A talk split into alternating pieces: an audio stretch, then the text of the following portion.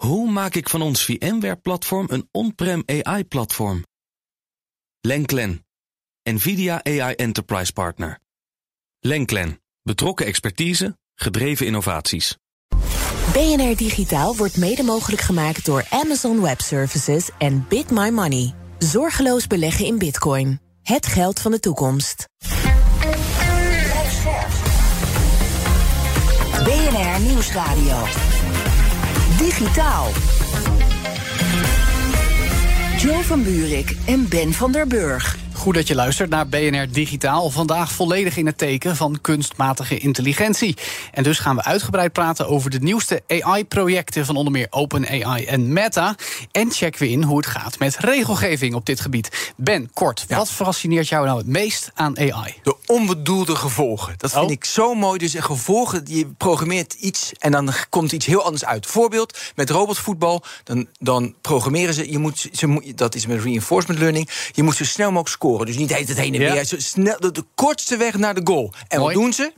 Ja? Ze schieten in eigen doel. Ja. Want dat is het makkelijkste en het kortste. Ah, ja, maar dat, ja, hadden ja. Dus, dat hadden ze niet voorzien. Nou, en dat niet voorzien van AI, dat vind ik interessant. Want dat gaat buiten de hersenen van de mensen. Dat, dat kunnen wij niet verzinnen. Ja, ja dingen die, we niet van onszelf weten. Nou, Ja. eh, dit is ook een beetje van toepassing op een uitstapje dat we halverwege de show maken naar de digitale porno-industrie. Daar praten we ook over de macht van tech-platforms en vooral creditcardmaatschappijen. Maar dat dus straks.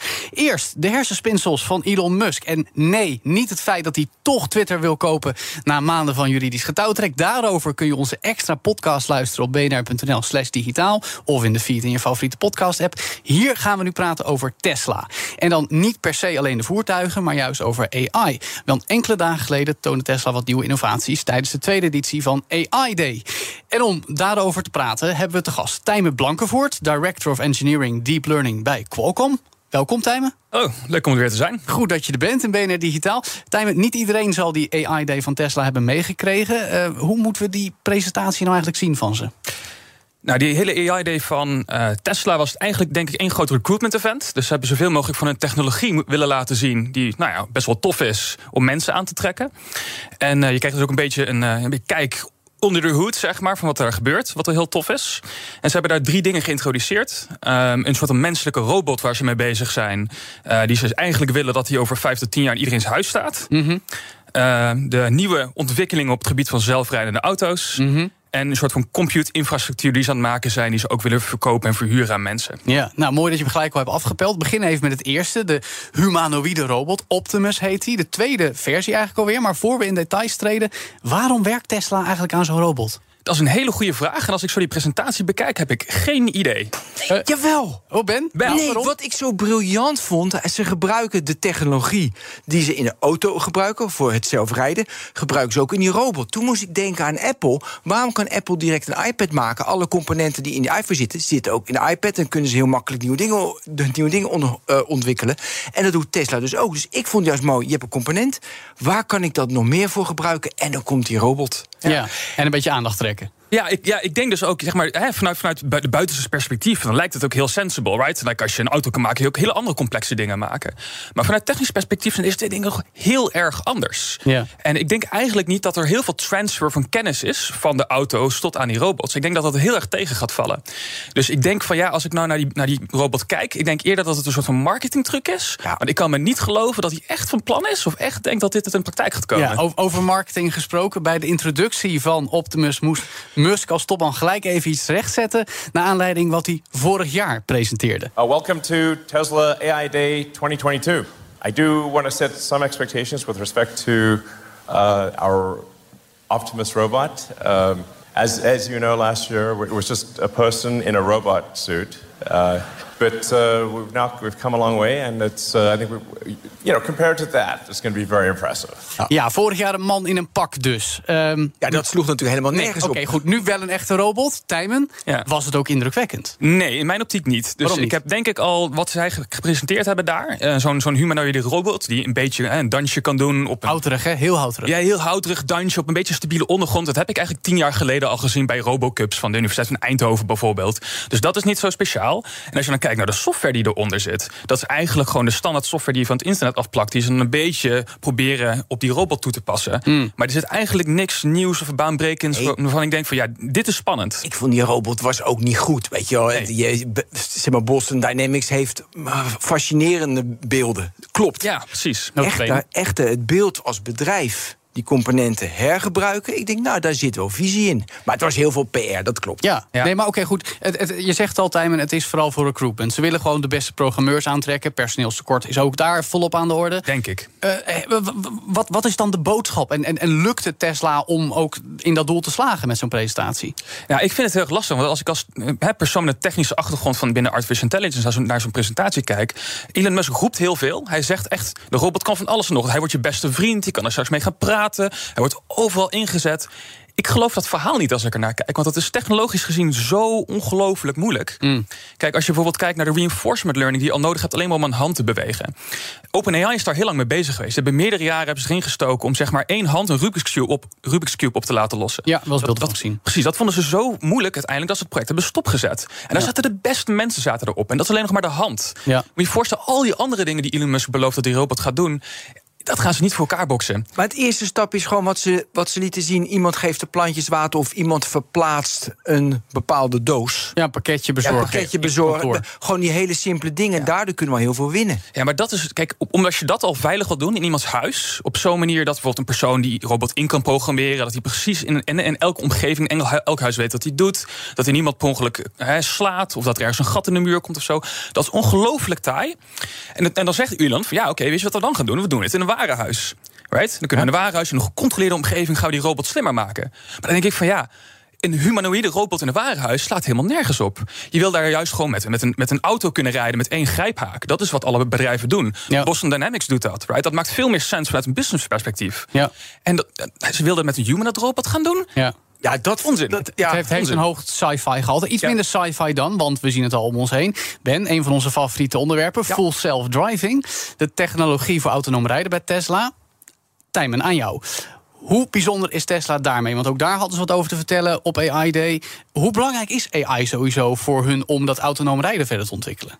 Ja, ik denk dat die, de AI, eigenlijk het hele zelfrijdende is één grote brok AI is. Het zijn eigenlijk alleen maar deep Dat is de learning belangrijkste systemen. component volgens jou in het hele verhaal van ja, autonoom 100%. rijden. Eigenlijk alles wat ze presenteren, ook alle building blocks zeg maar, die in zo'n systeem zitten, zijn allemaal deep learning systemen. Wil je even, zelfs- dat vinden wij Ja. wel gaaf, een beetje op die building blocks ingaan? Want dat was, het liet heel mooi zien. Dan gingen ze het leren, hoe dat ging. Dat is misschien wel even in, Ja, goed. e- Ja, even in dat detail. Ja, ja je, hebt, je hebt eigenlijk heel veel building blocks. Zeg maar. Je moet de sensoren hebben natuurlijk. Hè? Dus een, een Tesla maakt helemaal gebruik van videocamera's. Die sensordata moet weer omgezet worden in...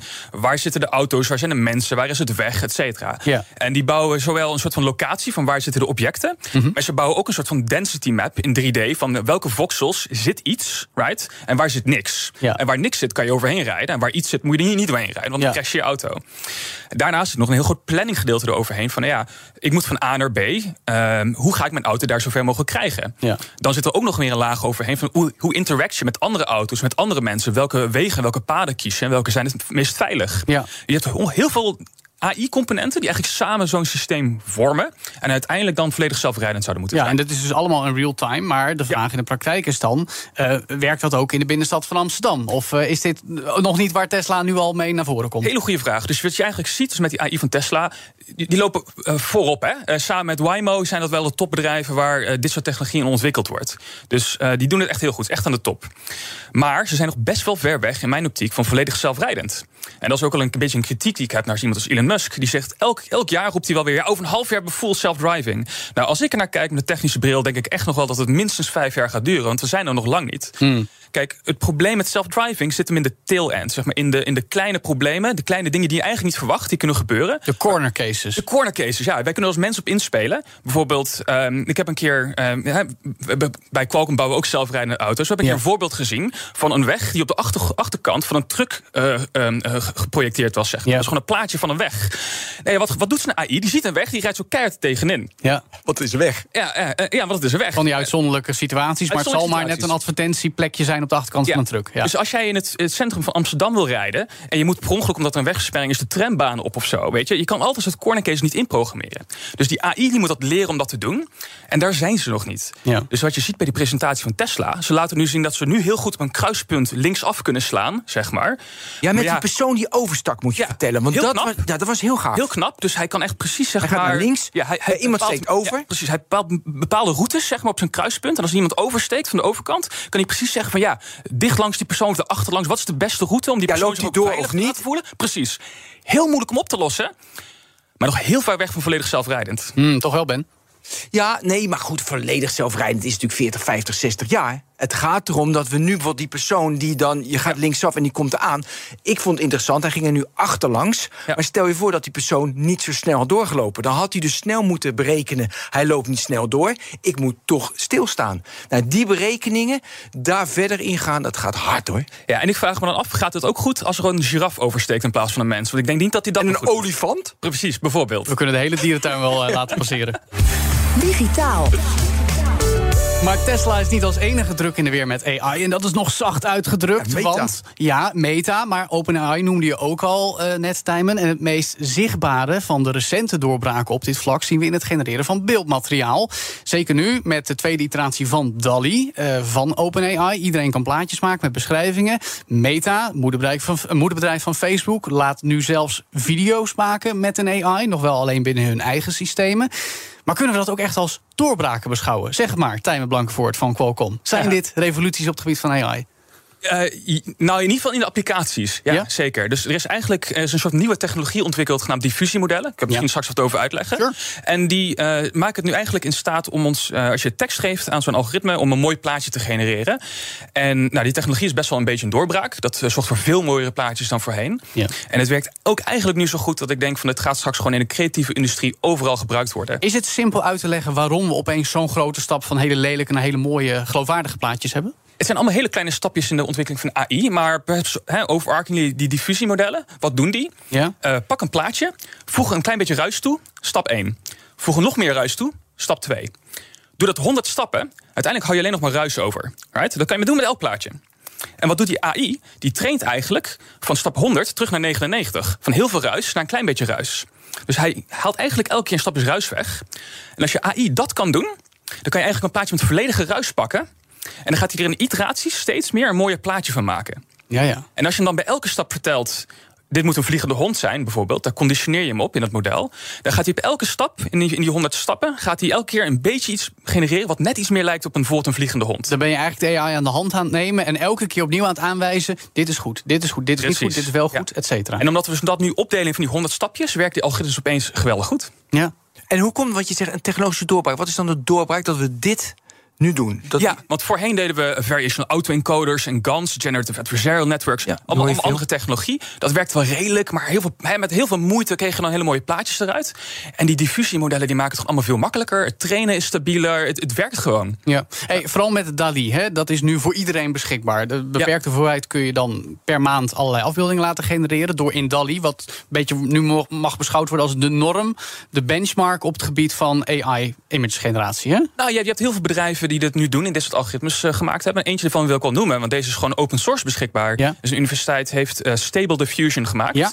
En Stable Diffusion is nu een open source repository. Kan iedereen downloaden en gebruiken. Ja. En dan hoef je dus ook niet naar, naar DALI toe, eh, met de kosten en dergelijke van dien. Maar die is ook wat complexer, die jij nu noemt dan. Ja, Stable Diffusion is weer net een technologische stap verder. Ja, dus wat complexer. En ze hebben heel veel mooie trucjes gedaan om hele mooie plaatjes van te maken. Ja. Dat kan iedereen downloaden en gebruiken. Maar mijn punt is vooral met DALI, het feit dat Ja. iedereen het nu kan gebruiken, zou Yes. je ook kunnen, komen, eh, kunnen spreken van de democratisering van deze toepassingen van AI. Weet je wel, iedereen kan er nu mee aan de slag. Dat Ja. is toch best wel een doorbraak, denk Ja, ik. en dat gaat echt gebeuren. Want ik denk echt dat het een hele grote impact gaat hebben op de creatieve industrie. Hm. Ik heb bijvoorbeeld voorbeelden gezien dat mensen dus die open source repository hebben gepakt. En wat ze daarmee hebben gedaan, is bijvoorbeeld een app maken waarmee je tekst, textures kan genereren. Dus als jij een game aan het programmeren bent, eh, elke muur, elke, elk plafond, et cetera, moet een bepaalde textuur hebben. Ja. Ja, die algoritmes kunnen dat nu maken voor je. Ja. Nee, maar dat vind ik ook fantastisch mooi. Dat ik misschien over tien of zelfs al vijf jaar zeg... ik wil deze game met mijn zoon spelen. En ik voer in een AI in met mijn stem waarschijnlijk... ik wil nu in een bosrijke omgeving met eenhoorns vechten. Dat het gewoon binnen een minuut gegenereerd is door de AI. Bij wijze van spreken gaan we daar naar heen. Ja, Ja, ja. zeker. Ja. Maar even nog terug. Dus nu zeg maar content maken voor zeg maar, game content. Dat kost nu een game, kost, ik noem maar wat, een half miljoen. Dat kost dan ineens drie ton. Omdat je het dus goedkoper kan maken. Zeker, ja. En dat wordt echt een, een, een, een revolutie, een opslag in de digitale creatieve industrie. Dat denk ik wel. Ik denk dat het overal impact gaat hebben waar mensen dus creatieve dingen maken. Ik kan me zo voorstellen dat heel veel mensen straks samen met zo'n AI creatief aan de slag gaan. Ja, maar ik kan me voorstellen, of gaat dit echt in de komende jaren al gebeuren? Want In de dit- komende jaren. Ja, je ziet Ja. nu al dat, dat er dus mensen, omdat het open source is, dat ze toevoegen aan Photoshop bijvoorbeeld. Je ziet nu Ja. al dat mensen logo's ermee maken, covers van, van, van, van, van magazines en zo. Ja. Eh, misschien gaan straks mensen het zeg maar, gebruiken om websites mooier te maken.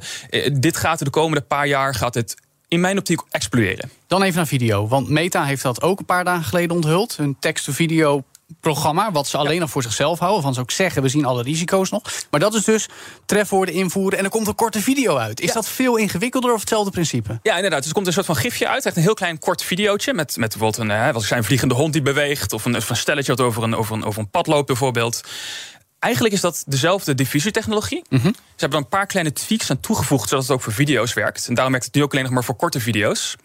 Eh, dus het is niet een grote technologische leap. Maar het is wel tof dat dit nu kan. En ik denk dat ook weer dat heel veel verbeterd gaat worden. Want die video's die ze genereren zijn niet echt geweldig nog. Als je naar kijkt, ze hebben een beetje een Uncanny Valley gevoel. Ze zijn een beetje creepy, een beetje stop motion. eh, een beetje van Tim Burton filmachtig idee. Ja, Is het? zeker. Niet, niet geweldig. Maar ik durf te wedden dat mensen dit gaan pakken. En de komende paar jaar dit weer gaan verbeteren. Net zoals aan het begin van die image generation. Toen zagen de plaatjes ook best wel lelijk en slecht uit.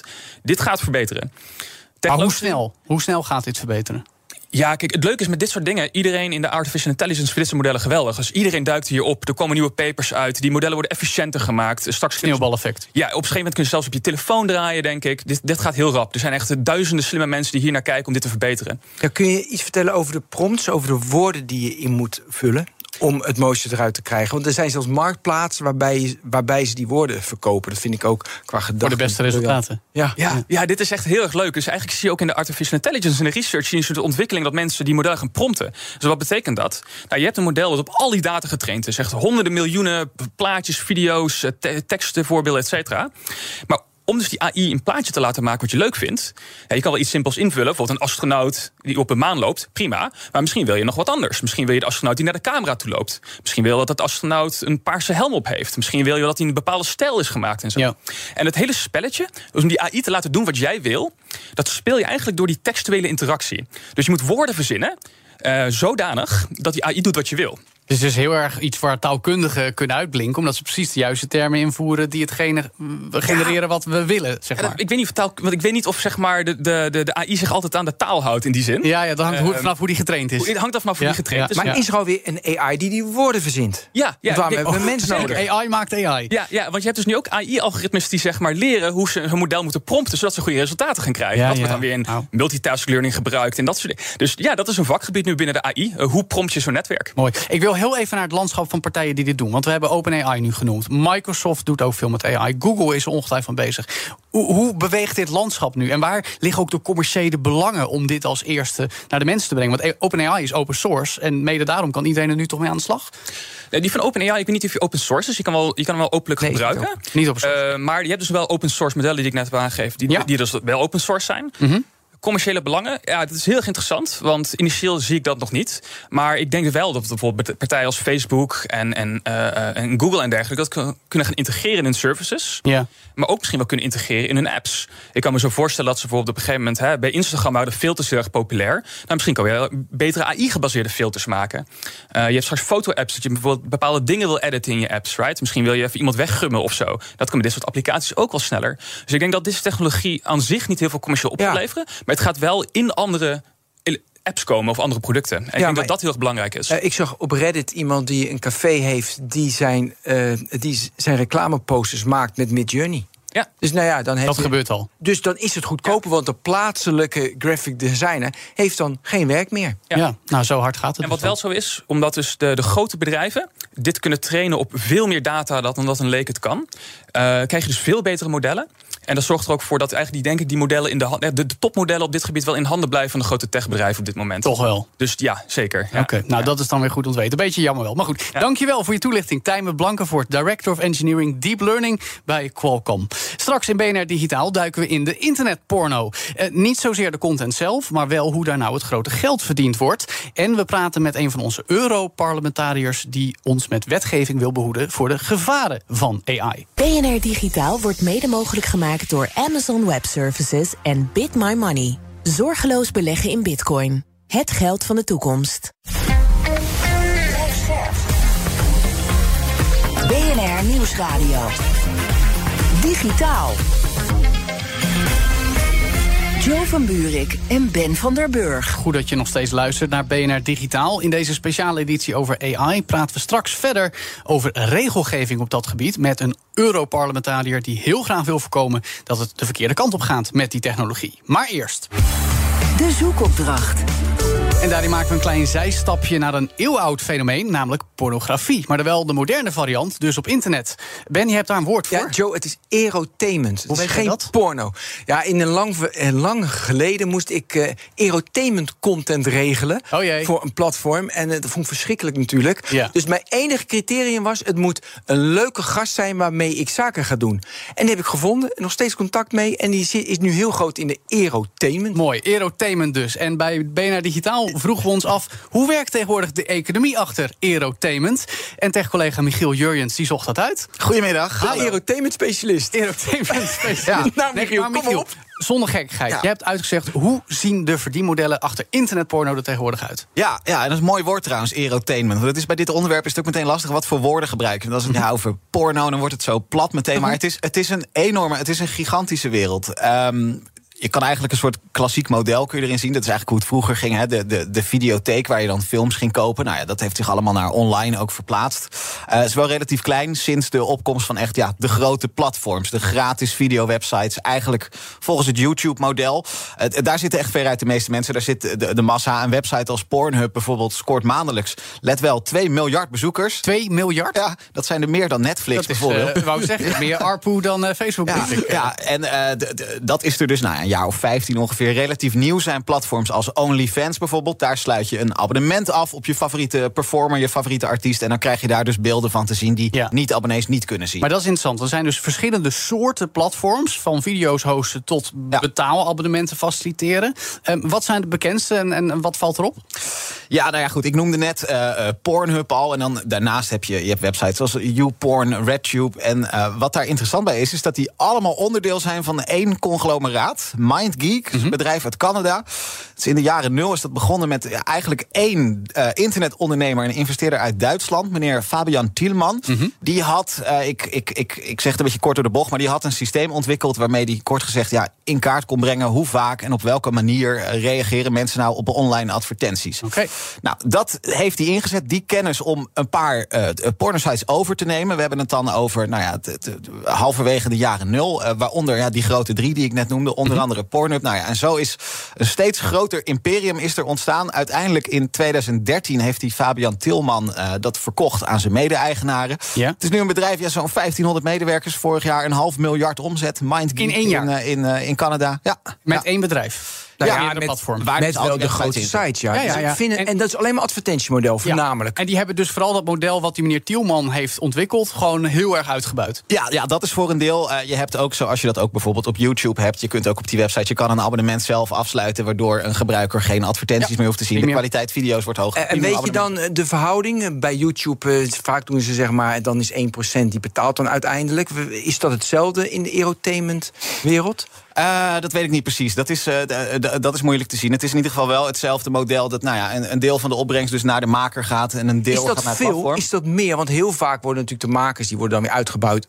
Ja, en dan Ja, denken ze... die percentages, wat kun je daarover Ja, zeggen? nou ook dat, dat, net als bij YouTube, dat loopt voor, voor de makers. Dat gaat echt pas oplopen als zodra honderdduizenden mensen inderdaad naar, naar de video's kijken waar jij in Ja, voorkomt. dus de dat moet echt- spreekwoordelijke amateurvideo's, om het zo te noemen... die verdienen misschien niet zoveel. Ja. Maar de, de grotere spelers, eh, als die honderdduizenden views per video halen... dan Ja. krijgen ze echt een piece of the pie. Ja, en wat op die tube-sites de percentages zijn, is een beetje onduidelijk. Eh, bijvoorbeeld OnlyFans, eh, daar weten we meer over. Daar gaat 80% gaat naar de maker. Mhm. Ja, maar Eh, daar neem dus- je een abonnement op iemand iemand. Ja. Hè? Dan krijg je verschillende soorten content als je wil. Ja, ja, en 20% van nou ja, bijvoorbeeld die 5 euro per maand... eh, dat gaat als commissie naar OnlyFans zelf. Eh, waarbij wel weer belangrijk is, die 80%. Dus bruto inkomen, dus de, de, de ondernemers die dat binnenkrijgen... Ja, BTW eraf. ja, dat en dan, we allemaal nog af. eh, Ja. de vaste lasten. Dus, Hey, en over OnlyFans, wat is de omzet daar eigenlijk? Eh, ja, Weet die, je dat? Ja, die is nog veel, die is nog Nou, veel en veel groter dan door. bij, eh, bij MindGeek. Volgens mij, volgens mij zitten we rond de 5 miljard zelfs. 5 miljard dollar. Ja, Bij OnlyFans? Ja, ja, ja. maar eh, bedenk je, eh, 20% van wat abonnees dus betalen gaat als commissie naar OnlyFans. Er zijn 200 miljoen mensen die doen dat. Die Een abonnement betalen- hebben op OnlyFans? Ja, die betalen elke maand een Zo. paar euro. 200 miljoen mensen. Ja, dus, dus reken Maar maar, dat is uit er- hoe dat oploopt. Dan stel ik me voor dat er toch een beetje een verschuiving is geweest... van dat traditionele porno-websites met video's... waar mensen of niet betalen Ja, of misschien. Abonnementje hebben... of dus nu dus een abonnement nemen via Juist. OnlyFans... op hun favoriete performers, wat betreft. Ja, ja dat, kun je wel, dat kun je wel zo stellen, Ja. inderdaad. Hey, en Ja. hoe gaat dat over die performance gesproken... voor die individuele makers zelf dan? Hoe, hoe, hoe is hun relatie met die platforms? Ja, ik heb, ik heb een beetje rondgebeld hiervoor. Ik heb eh, gepraat met eh, Moira Mona. Dat is een, een sekswerker die ook online content maakt. Mhm. Ehm, eh, die vertelde, ja, als je het echt wil... je zou wel om die platforms heen kunnen. Maar ja, dan moet je dus helemaal zelf moet je een website bouwen... moet je het zelf allemaal aanbieden. Dat is heel lastig. En eh, zij vertelde ook, mensen die verwachten van je dat je op een bepaald platform actief bent. Zij heeft bijvoorbeeld nou ja, de, de video's, foto's van zichzelf online staan. Zij heeft een eigen website waar je die tegen betaling kunt downloaden. Maar eh, haar fans, haar kijkers, die verwachten ook van haar dat ze op een platform als OnlyFans zit. Ja, ja. Dat is willen mensen, tegenwoordig. dat willen mensen graag hebben. 2022 willen mensen dat hun favoriete performer... ook een direct abonnement aanbiedt Ja. via OnlyFans Ja, dus, dus die performers kunnen heel moeilijk om dit soort platforms heen. Daar komt het wel is er nu echt, want nu je dit allemaal vertelt, denk ik, ja, dat is bijna hetzelfde als een normale artiest. Weet je, wanneer ga je zelf Ja, of muziek je nou muziek maakt en op Spotify zit... of video's ja, YouTube. of, of in de aerotainment zit. Heb je een verschil ontdekt? Je hebt advertentiemodel, je hebt subscription model. Het is eigenlijk precies hetzelfde. Ja, nou, kijk, wat wel lastig is bij een, eh, bij een OnlyFans... dat vertelde ook de, de sekswerker die ik sprak... die vertelde, nou ja, de- die houden 20% in... maar zij doen eigenlijk niks voor die performers. Zij, eh, Alleen maar het platform bieden en zoeken maar uit. het, is, het is het platform, maar geen, geen, geen, geen promotie. Zij denken niet met je mee eh, of wat dan ook... maar eh, pakken wel, nou ja, dus Ja, dat een, zeggen- vijf- een vijfde van wat je verdient. Ja, maar dat zeggen ook heel veel appmakers in de App Store. En dat zeggen ook heel veel muziekmakers met Spotify. Ja, Dus dat is ook weer hetzelfde. ja, Ja. ja. ja. Hey, ehm, de rol van de creditcardbedrijven, heb ik begrepen... is best wel heel groot in de porno-economie. ja, Hoe, hoe, hoe zit dat? Kun je dat kort toelichten? Ja, dat, dat zou je misschien niet zo snel denken. Ik ga proberen het kort eh, toe te lichten, want het is best een ingewikkeld verhaal. Maar die creditcardbedrijven zijn enorm invloedrijk. Kijk, het betalingsverkeer naar die grote platforms... dat gaat voor het grootste deel via nou, bijvoorbeeld Visa en Mastercard. Die verdienen daar heel goed geld aan. Eh, ze zijn tegelijk ook beducht voor meerdere dingen. Hè. Het zijn de, de zogenaamde high-risk payments. Ehm, er gaan ook, eh, moeten we ook benoemen, er gaan zaken mis op die platforms. Content die illegaal is, tegen iemands wil geüpload wordt. Creditcardbedrijven die willen er niet van worden beschuldigd dat zij illegale handel faciliteren. Ja. Dat kan juridische gevolgen hebben. Ook imago-schade zijn die bedrijven eh, heel bang voor. Waardoor het dus zo is dat eh, bedrijven als Visa en Mastercard speciale afdelingen hebben die zich puur hiermee bezighouden. Mhm. Dus die eh, de erotainment, mooi woord, waar we het net over hadden. Precies, En- houd hem erin. ja, Ja. En, en, en wat zij dus doen is be- bepaalde content die niet per se illegaal is, maar volgens sommige mensen misschien extreem of immoreel.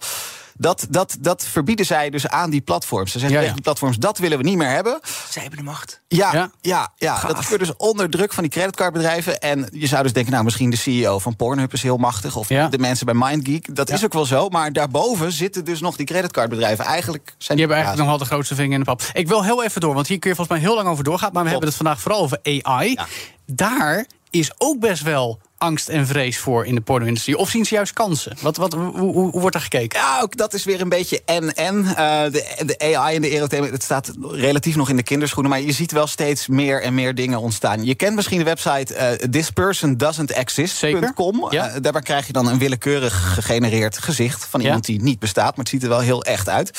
Die technieken die zijn er ook voor explicietere foto's, Hmm. uiteraard. En klinkt misschien nog enigszins onschuldig... maar het zorgt wel al voor wat ethische dilemma's. Het kan ervoor zorgen dat de echte artiesten op termijn uh, niet meer nodig zijn. Dat die verdrongen worden door Zijn ze daar AI. bang voor? Daar, daar is hier en daar wat angst voor. Dat zal niet nu meteen de komende weken zo zijn. Net zoals maar, de creatieve industrie met het maken van afbeeldingen en video's. ja, ja, Ja, met, Ja, en deepfakes is natuurlijk al vaak genoemd. Ja, Ja. dat is ook een gevaar. nog een bekender voorbeeld. En, en daar wordt het wel echt tricky. Want dan gaat het over echte mensen die in neppe beelden worden geplakt. Eh, Ja. ster- het overgrote deel van de deepfakes op internet is van pornografische aard. Ja. En eh, ja, het gebeurt. Hè. Deepfake-video's van bekende mensen die rondgaan... ziet er steeds realistischer uit. Dus dat wel, is wel echt tricky. Ja, Ja, klopt. nou, dat is in ieder geval iets om goed in de gaten te houden. En misschien dat we er nog eens op moeten terugkomen. dat Dankjewel in elk geval voor deze lezing over erotainment. Erotainment specialist. Precies, dankjewel Michiel Jurjens. Joe van Buurik en Ben van der Burg. Met de AI Act is de EU wereldwijd de eerste die werkt aan regels voor kunstmatige intelligentie. En met GroenLinks-Europarlementariër Kim van Sparretak, tevens onderhandelaar op dit dossier, gaan we praten over deze nieuwe AI Act. Welkom in BNR Digitaal. Hallo. Hi Kim, Ehm, als je één ding mag noemen, hè, eentje maar, wat is dan volgens jou het allerbelangrijkste speerpunt van deze nieuwe regelgeving? Ehm, dat we ervoor zorgen dat we eh, kunstmatige intelligentie op een manier gebruiken die goed is voor mensen en milieu en democratie en niet eh, andersom. Heb je toch een beetje vals gespeeld, vind ik, hè Ben? Ja, maar ik wil, hem, ik wil hem ook goed gebruiken, vind ik logisch. Ik wil iets concreter. Wa- Wat ga je specifiek doen zodat we het goed gaan gebruiken voor mens en milieu? Het allerbelangrijkste is dat we stilstaan bij eigenlijk het gebruik inderdaad van kunstmatige intelligentie. En wat mij betreft is het allerbelangrijkste daarom dat we eh, ervoor zorgen dat er een mensenrechtentoets komt. Een verplichte mensenrechtentoets voor het gebruik van AI. Zodat we zeker weten dat als we een computer een beslissing laten nemen, dat er dan nog even iemand checkt of dat wel in lijn is met mensenrechten. Ja, nu is dat best complex, want de manier waarop AI en eigenlijk alles wat daarmee samenhangt, algoritmes, machine learning, eh, eh, werkt, eh, is ook hoe het ontworpen is. Ehm, Mhm. eh, hoe, hoe, hoe, hoe verdiep je je daar nou in? Wat is, wat is je métier om te zorgen dat hier nu al zo goed naar gekeken wordt, dat we hier met vooruitziende blik goede wetgeving voor formuleren? Nou goed, we kunnen eigenlijk, eh, wat, ik zelf heb gedaan, is kijken naar wat er mis is gegaan tot nu toe met het gebruik van algoritmes. Ehm, en dan is natuurlijk het voorbeeld de Nederlandse toeslagenaffaire. Daar had je algoritmes, die deden prima wat ze, de- eh, wat ze moesten doen, die categoriseerden mensen namelijk, maar wel op een manier die eh, het, het, racistische systeem wat er blijkbaar was, versterkte. Ehm, als we daar een mensenrechtentoets hadden kunnen instellen die zei: hey, gaan jullie nu niet op basis van hè, migratieachtergrond of zo mensen extra hard categoriseren eh, als fraudeur, Ehm, dan hadden we een hele hoop ellende misschien wel kunnen besparen. Eh, en ehm, dat is eigenlijk de manier waarop ik er nu naar kijk. Eh, Ja. Kijken in ieder geval naar wat de fouten zijn gemaakt, die zijn gemaakt waren in het verleden en hoe we dat nou ja, in ieder geval kunnen voorkomen. En zorgen dat er menselijkheid blijft. Dat we Ja. niet zomaar op computers gaan vertrouwen en dat je op een gegeven moment dus een situatie krijgt waar mensen zichzelf te- moeten verdedigen tegenover een computer. Ja, Kim, to- dus de toeslagenaffaire is natuurlijk een topvoorbeeld... maar dat is een vrij eenvoudig algoritme... en vrij eenvoudig input, daar hadden mensen naar moeten kijken. Maar ik wil even een meer ingewikkelde aanhalen. Misschien ken je de case Molly Russell, twee weken geleden. Dat is groot in de pers verschenen. Er was een 14-jarig meisje, die eh, zat op TikTok, op Pinterest en op Instagram. En ze zat in de rabbit hole alleen maar depressieve mensen... en alleen maar depressieve depressiever. En uiteindelijk heeft ze zelfmoord gepleegd. En zelfs de psychiater die na al naar haar gebruik van social media had gekeken, die is zich kapot geschrokken in wat voor rabbit holes was gekomen. Dit is, en dan kan je, ja, mensen kunnen daar naar kijken, maar de, dus de, het algoritme staat dan wel vast, want dat is gemaakt door TikTok bijvoorbeeld. Maar de input, ah, ja, dat is iedere dag anders. Hoe ga je dat met een menselijke maat controleren? Nou ja, er zijn natuurlijk verschillende dingen. Eigenlijk doen wij drie dingen ehm, in deze wet. We kijken naar hoe het wordt gemaakt. Nou, dat is één. Dat zijn gewoon de technische specificaties. Dat is ook de basis van het voorstel. Ehm, en daarnaast kijken we naar, willen we dit soort systemen wel? Er komt ook een lijst van verboden. En ik zet er ook op in dat dit soort algoritmes... die, de, die jou helemaal persoonlijk gaan... eh, allemaal informatie die ofwel polariseert... ofwel heel erg op een andere manier heel erg schadelijk is voor jou... ehm, dat die ook verboden worden. Er zijn een aantal dingen waarvoor je AI kan gebruiken... die we gewoon niet moeten willen. En ehm, ja, polariserende algoritmes is er zeker één van. ehm, en dit soort algoritmes. En ehm, daar proberen we dus een, een verbod op te krijgen. Ja, maar dan zeg je dus dat de algoritmische tijdlijn in Europa verboden gaat worden. Um, nee hoor, de polariserende algoritmes. We weten prima dat er ook algoritmes kunnen zijn die wel gepersonaliseerd zijn, maar niet, um, uh, niet zo schadelijk zijn. Um, dat heeft bijvoorbeeld de klokkenleider Francis Hogan ook uitgelegd over Facebook. En uh, Facebook heeft op een gegeven moment ook een test gedaan van goh, hè, we zouden ook een, een iets neutraler algoritme waar mensen niet alleen maar hele extreme dingen te zien krijgen kunnen invoeren. Maar dat leverde minder geld op. Ja. en toen hebben ze het weer afgeschaft.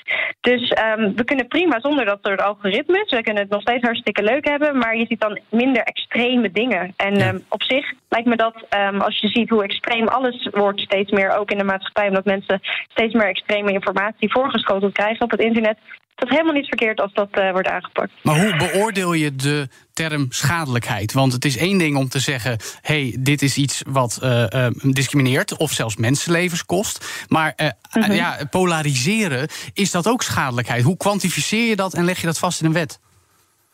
Nou, daarom hebben wij ook gevraagd uh, dat er een specifiek AI-board moet komen. Dus, in, dus dat er gewoon een, een raad van experts komt, hè, van juristen, maar ook van mensen van NGO's, ehm, uh, vertegenwoordigers van minderheidsgroepen, die samen kunnen kijken wat is nou oké als we het hebben over ethische kunstmatige intelligentie en die daar ook advies op kunnen, uh, op kunnen hebben.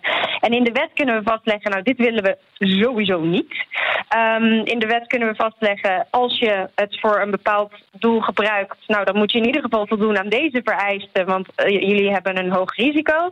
En in de wet kunnen we vaststellen, er moet altijd een mens in de loop zijn om te kijken of dingen um, goed worden toegepast. En daarnaast kunnen we dus nog um, zorgen dat er een AI-board is. Ja, kunstmatige intelligentie bestuurs noemen we dat dan, maar ja, het klinkt niet zo lekker in het Nederlands. Mm -hmm. maar um, die kijken dan inderdaad naar, naar de ethische vraagstukken en inderdaad uh, in hoeverre iets schade kan berokkenen. Ja, hey, voor buitenstaanders is de Europese politiek best lastig te begrijpen soms. Um, kun jij -hmm. even schetsen waar we nu staan in het proces? Want we hebben het hier al best lang over. Vorige week was hier weer een doorbraak, begreep ik. Maar wat moet er nu nog gebeuren? Wanneer treedt dit in werking? Nou, het doel is dat wij, um, uh, we zijn nu aan het onderhandelen. Het is altijd zo dat de Europese Commissie die doet een voorstel en dan kijken de landen naar wat ze van het voorstel vinden en het Europese Parlement. Dat zijn wij nu tegelijkertijd aan het doen. Dus mm -hmm. de landen zijn nu met elkaar aan het onderhandelen wat zij zouden willen zien en het parlement is dat nu aan het doen. En um, wij hopen dat wij als parlement en waarschijnlijk de landen zelf ook, hebben waarschijnlijk begin volgend jaar hebben wij um, ons standpunt en dan gaan we nog in onderhandeling met elkaar. Dan zeggen wij als parlement, nou wij vinden dit belangrijk en de landen vinden dit belangrijk. En we hopen dan eind volgend jaar een akkoord te hebben. En dan een aantal jaar later zal de, zal de wet ingaan. Ja, nu gaat het ook heel erg om aansprakelijkheid hè, voor alle fabrikanten die iets met AI doen. Um, is dat ook het belangrijkste scharnier waarop je dit goed kan verankeren? Dat je de verantwoordelijkheid om hier goed mee om te gaan bij de partijen die dit doen legt en ze daarmee ook direct kan beboeten of aanpakken als er weer toch iets misgaat? Nou ja, ik denk niet dat het het allerbelangrijkste is. Volgens mij is het belangrijkste dat we echt gewoon reguleren wat we wel en niet willen zien. En daarmee ook eigenlijk sturen wat voor soort ja, digitale toekomst we eigenlijk willen. Uh, maar die aansprakelijkheid is natuurlijk wel ontzettend belangrijk, juist omdat het zo ingewikkeld is om aan te kaarten dat jij mm -hmm. ja, uh, slecht behandeld bent of, ja. of nadeel hebt ervaren door een AI-systeem. Want het is een zwarte doos, hè, het is onduidelijk. Bedoel, we, hebben, we hebben het gezien, ja, ik noem maar weer de toeslagenaffaire... omdat het gewoon een voorbeeld is wat, wat, wat meer tot de verbeelding spreekt... Ja, dan, maar dat is geen uh, het hebben over een moeilijk systeem. Nee, ja, nee, nee, klopt. Maar daarin was het al Ja, kan nagaan. Nee, maar daarom om... natuurlijk heel goed Precies. dat je het doet. Nee, klopt, maar ja. zeg maar de meer ingewikkelde... dan krijg je van dit ja. remt innovatie. Vaak weet je niet weet je, wat een AI dan gaat doen... en daardoor komen weer nieuwe inzichten. Dus rem je niet innovatie in Europa door dit in te zetten? Door te beperken wat er mag met AI. Ja. Nou ja, ik denk niet dat je. Nou ja, misschien remmen we innovatie, maar dan remmen we innovatie bijvoorbeeld op dingen waarvan we eigenlijk al hebben gezegd. Dat willen we helemaal niet. He, bijvoorbeeld het uh, standaard de hele tijd kunnen herkennen van mensen op straat, waardoor mensen individueel gewoon gevolgd kunnen worden met biometrische camera's op basis van hoe ze eruit zien. Uh, dat is iets waarvan we al langer hebben gezegd. Dat is iets wat totaal tegen mensenrechten ingaat. Dat is een vrijheid van jezelf gewoon vrij op straat kunnen verplaatsen. Um, als we daarop heel hard gaan innoveren en ondertussen niet gaan innoveren op, ik noem maar wat, hoe we onze energiesystemen uh, verduurzamen, mm -hmm. ja, dan vind ik dat eigenlijk heel erg zonde. Um, Ehm, en, en we moeten juist kijken wat voor digitale toekomst willen we. We staan nu echt op een kruispunt om te bepalen: gaan we richting de dystopische toekomst uit de Hollywoodfilms? Ja. Of gaan we voor, een, voor ehm, kunstmatige intelligentie die ons helpt, die ons Ja. vooruit helpt? Maar dat vind ik juist een Ehm, goed punt. en- Hè? Want, als het gaat om verduurzaming, daar zijn we denk ik allemaal over eens. Daar kunnen we het goed voor gebruiken. Gezichtsherkenning in het Westen, in Europa, Precies. vinden we ook niet. Logisch. Maar autonoom autorijden, belangrijk breekpunt tussen Ben en mij. Hij Ja. ziet het graag. Ik ben heel kritisch en sceptisch. Hoe bepalen Mhm. we, Kim, of we in, autonoom, eh, in Europa ook autonoom rijden met hulp van AI gaan toestaan? Eh, dat bepalen we op basis van de technische systemen. Eh, of die helemaal kloppen. En ehm, we zorgen ervoor dat er heel veel goede tests zijn. Ja. Ehm, uiteindelijk kijken we toch, ja, we hebben de basis. Hè, we zijn voor het eerst wetten, een wet hierover aan het maken. We zijn de eerste ter wereld die hier een wet over maken. We kijken toch eerst naar het schenden van mensenrechten en dan naar de wenselijkheid. Ja. Maar in principe, ehm, als je het hebt over automatisch rijden, ehm, dat is hoog risico. Want er is een kans dat, je iemand, eh, dat iemand doodgereden wordt. Dus duidelijk hoog risico. Ehm, dan komen er dus heel veel technische vereisten. En moet er dus altijd voor zorgen dat we kijken dat, dat het op een goede manier werkt. En op die Ja. manier proberen we dan de schade te vermijden. En zorgen we er direct voor dat er dus geen innovatie wordt geremd. Ja, maar Kim, als- iets als dit. Maar als een mens iemand anders doodrijdt, dan is het erg. En als. eh, nee, is het. Is het minder erg als een, auto, als een autonome auto iemand doodrijdt? Is het erger dan als een mens iemand doodrijdt? En dat is toch apart. Dus dan rem je toch de ontwikkeling van autonoom rijden. En ik, veiligheid voorop, hè, dat ben ik Mm, helemaal met is je niet eens. zo. Nee, oh gelukkig. nee, zo is het nu niet. Eh, in, de, in de ehm, eh, eh, dat, de, wij zouden willen zien dat dat gelijk wordt gesteld. Ehm, ehm, maar niet dat, het is niet erger. Nee, maar dat vind Eh, ik een is belangrijk zo dat antwoord. het veel Dat is een belangrijk wordt. antwoord, ja. Ja, want het, het, het wordt juist, wij, wij proberen daar, dat, dat is, daar zijn we nog wel even mee bezig, voordat we op Ja. dat punt zijn trouwens, dat Ja. het eh, gelijkgesteld Maar, wordt. maar is dat te realiseren, dat is het verantwoordelijkheid voor dat mensen en AI's gelijkstellen? Krijgen we dat voor elkaar? Ehm, nou, ik denk dat daar wel, eh, dat daar wel ja, een kans op is dat we dat voor elkaar krijgen. Het probleem is natuurlijk alleen, het gaat. Dus, dus we hebben dezelfde eh, aansprakelijkheid, maar wie is er dan aansprakelijk? Is het degene die de auto heeft opgestart? Ja. Is het degene die ehm, de, Nou, zeg eh, het de- maar. het systeem Want heeft volgens gemaakt? jouw wet is dan dus Tesla of is het bijvoorbeeld- de autofabrikant? Ja. Ja. maar volgens jouw nieuwe wet is dan de autofabrikant aansprakelijk. Toch? Ehm, ja, als, het, als dat te be- bewijzen valt dat het, eh, dat het de autofabrikant een, dat hun systeem niet klopte, dan is het de autofabrikant. Maar daarom is het zo belangrijk dat we dus niet alleen maar kijken. En ik denk dat dat, dat, dat eigenlijk het aller, de belangrijkste boodschap is als we het over de AI-wet hebben en over Ja. AI-aansprakelijkheid. Eigenlijk moet die aansprakelijkheid is een soort van ja, keten. Ja. Je, hebt een keten. je hebt ketenverantwoordelijkheid. Bijvoorbeeld als je het hebt over hoe kleding wordt gemaakt, hè, dan, dan hebben we, heb je verantwoordelijkheid vanaf dat die, die katoen eh, soms door eh, mensen met dwangarbeid wordt geplukt totdat het in de winkel ligt. Ja. En eigenlijk zou je dat bij AI zou je dat ook willen zien. Dus je hebt eh, verantwoordelijkheid voor degene om een fatsoenlijk systeem te maken.